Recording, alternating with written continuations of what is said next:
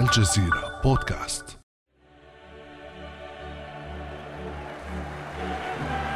إنه التاسع عشر من فبراير 2020 في ملعب سانسيرو بمدينة ميلان الإيطالية حيث تقع مباراة استثنائية ضمن منافسات دوري أبطال أوروبا بين ناد إيطالي مغمور يدعى أتلانتا والنادي الإسباني فالنسيا. بينما يتابع العالم تطورات أخبار فيروس كورونا المستجد الذي بدأ يسافر من الصين إلى باقي أرجاء المعمورة.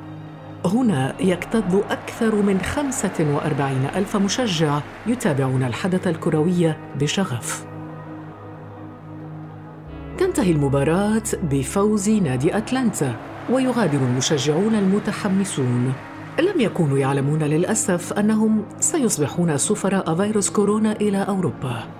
يعود كل مشجع إلى مدينته من حيث أتى راكبا القطار أو الطائرة. هنا تحصل الكارثة. يبدأ الفيروس في الانتشار في إيطاليا ثم إسبانيا ثم ألمانيا وفرنسا وباقي أنحاء أوروبا. لتبدأ بعدها عملية إغلاق الحدود بين الدول الأوروبية. إيطاليا تواجه الوضع الأسوأ لكنها رغم ذلك تترك وحيدة لمواجهة مصيرها.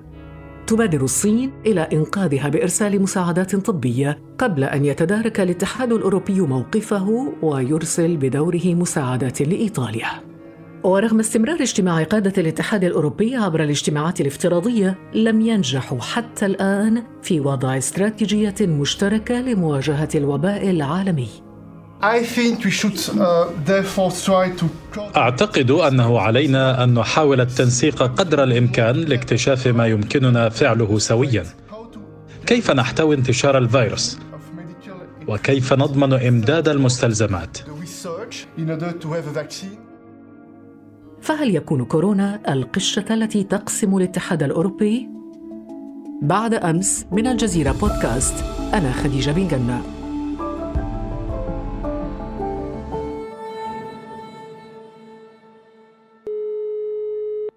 ومعنا محمد البقالي مراسلنا في باريس. أهلا وسهلا بك محمد.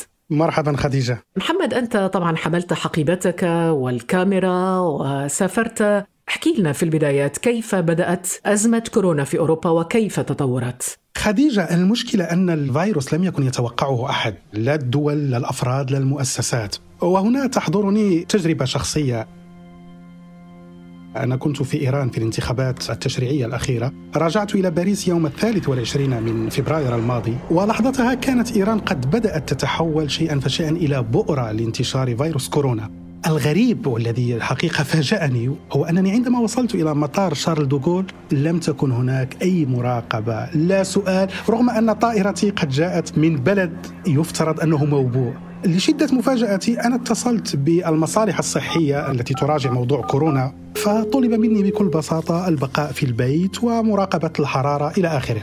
أنا لحظتها تبين لي أن الموضوع لم يؤخذ بعد بجدية. ولا أخفيك خديجة لم يكن لدي تنبؤ ولا أملك أي قدرات تنبؤية أو توقعية ولكن لحظتها قلت إن أوروبا الدور قادم عليها بسبب ضعف الإجراءات وبسبب ضعف الاستعداد لهذا الفيروس. فيما أن الفيروس ظهر في الصين في نهايات ديسمبر يعني هناك ربما تأخر ملحوظ لدى الدول الأوروبية في تدارك الأمر.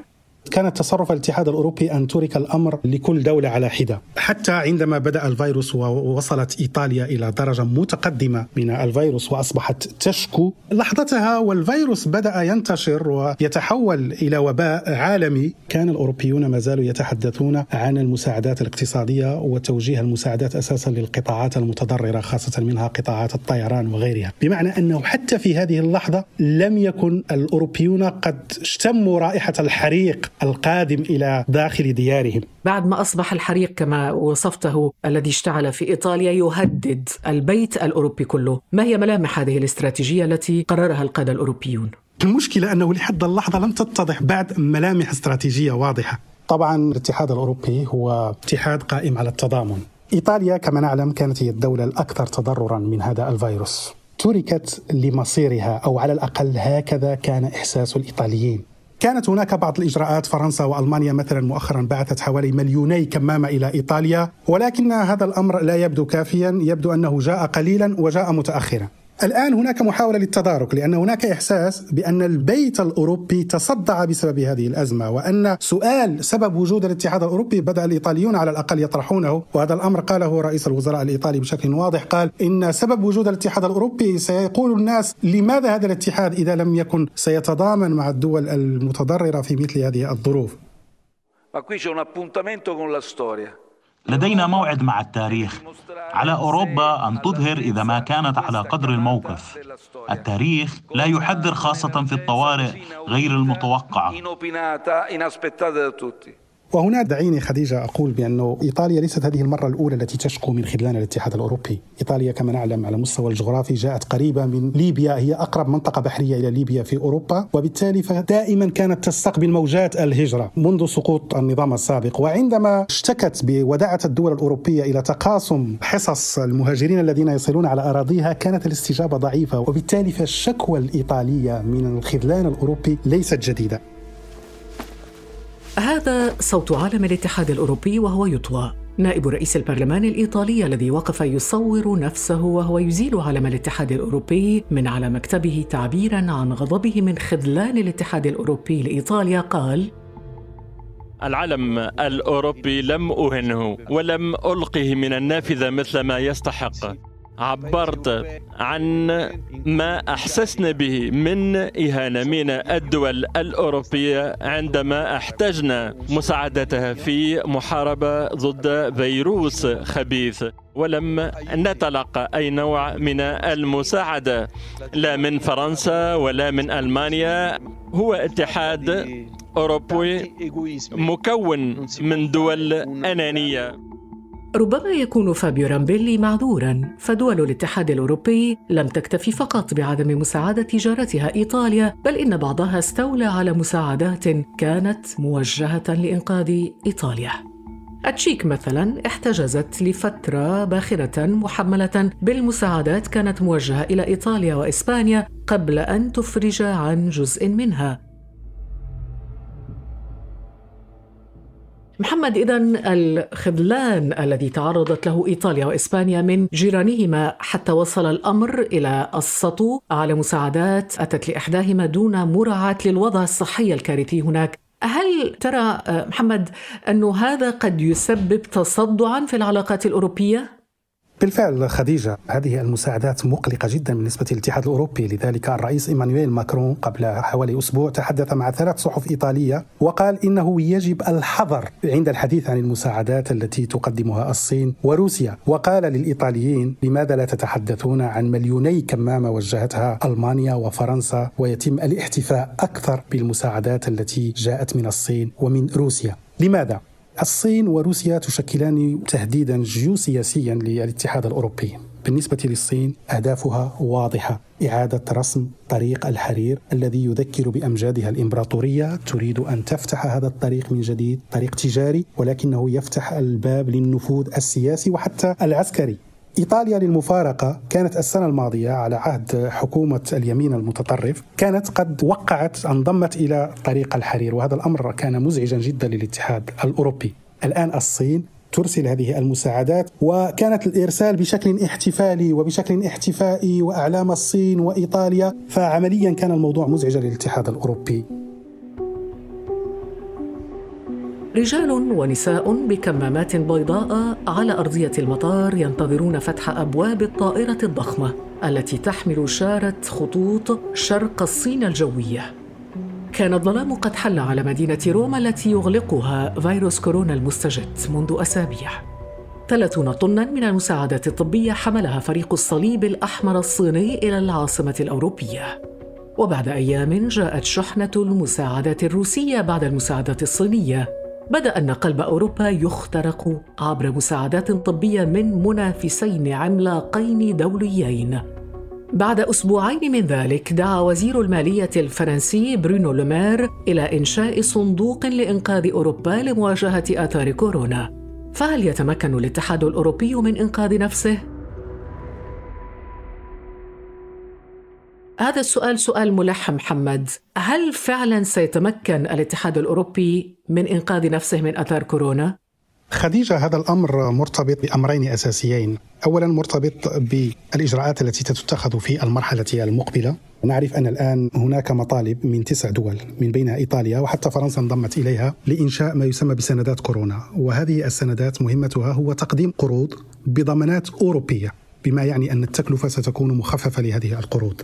هناك خلاف كبير هو تاريخي في الحقيقة بين دول أوروبا الشمالية ودول الجنوب الأوروبي.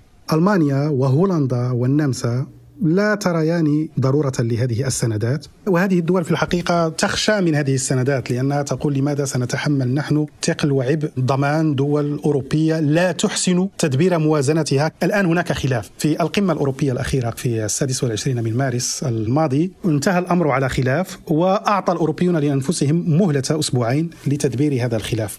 إذا تمكنوا من إيجاد حل فعلى كل حال ربما هذا الأمر سيمكن من تجاوز الكثير من الصعوبات. إذا استمر الخلاف هذا الأمر سيؤدي بالتأكيد إلى صعوبات وإلى تصدع. أعتقد أن الأوروبيون واعون بأن الاتحاد يواجه لا أقول خطرا ولكن يواجه وضعا صعبا وأن ما بعد كورونا لن يكون كما قبلها كما تقول العبارة المبتذلة. إذا تمكن الأوروبيون من تدبير ما تبقى من هذه الأزمة بشكل يضمن تضامنا اقتصاديا على الأقل لأن الأزمة الآن ليست فقط في الموضوع الصحي ولكن أزمة لديها تداعيات اقتصادية خطيرة. كثير من الاقتصاديات الأوروبية خاصة غير القوية مهددة. إذا تمكن الأوروبيون من ضمان الدعم والتضامن في هذه المرحلة هذا سيخفف من أثر ما سبق. لكن هل تعتقد محمد أنه المساعدة الصينية الروسية التي قدمت لبعض دول الاتحاد ستكون هكذا بدون مقابل؟ يعني أنت تعرف المثل الذي يقول أطعم الفم تستحي العين هل ستنتهي الأزمة ويغلق الاتحاد الأوروبي أبوابه؟ وشكرا كثر خيركم انتهت الأزمة. أم أنه الصين وروسيا وجدتا اليوم موطئ قدم داخل هذا البيت الأوروبي من خلال الباب الإنساني؟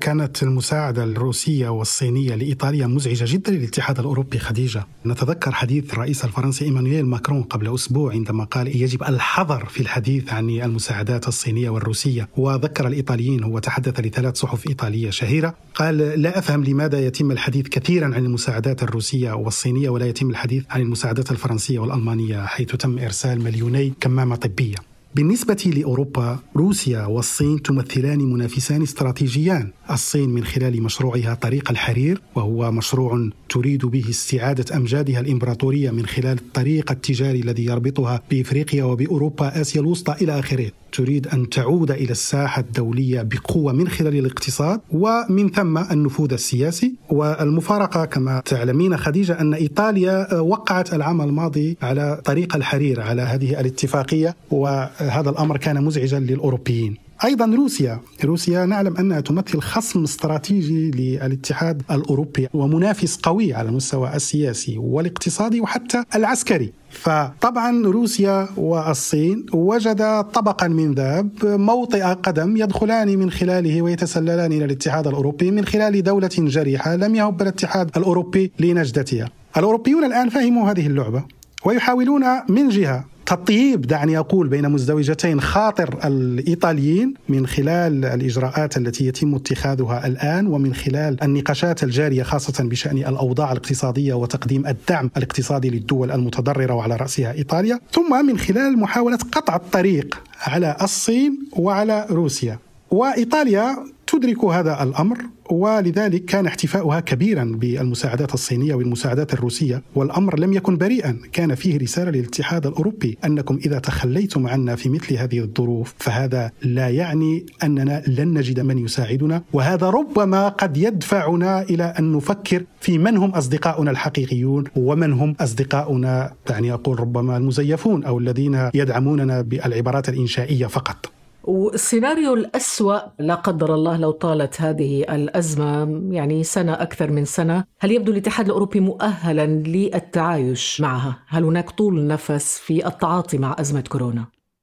إذا استمر الموضوع واستمرت الأزمة الاتحاد الأوروبي بالتأكيد سيطور آليات وسيبحث عن الأساليب التي تجعله يتعامل مع هذه الأزمة بشكل جماعي. لحد اللحظة دعني أقول في هذا المستوى الذي نحن فيه الاتحاد الأوروبي اهتز وثقة بعض الدول خاصة الدول المجروحة والدول المتضررة اهتزت في الاتحاد الأوروبي هذا لا شك في ذلك. لكن هل يصل الأمر إلى إعادة تكرار سيناريو البريكزيت؟ أنا شخصيا أستبعد هذا الأمر. محمد البقالي مراسلنا في باريس في مكتب الجزيرة في باريس. شكرا لك. أنت الآن في المكتب. تخرج من البيت وتأخذ المترو فإن شاء الله ربنا يحميكم. وأرجو أن تأخذ أنت والزملاء إجراءات الحيطة والحذر. شكرا جزيلا أستاذة خديجة، الحقيقة إحنا مضطرين اضطرارا ونحن من الفئات المعفية بمقتضى قانون الطوارئ. صحيح. الصحفيون أيضا مم. لديهم الحق في الخروج بالنظر إلى أن عمل عملنا يفرض علينا الخروج أحيانا. نعم، حماكم الله وسلمكم من كل شر. شكرا شكرا. كان هذا بعد أمس.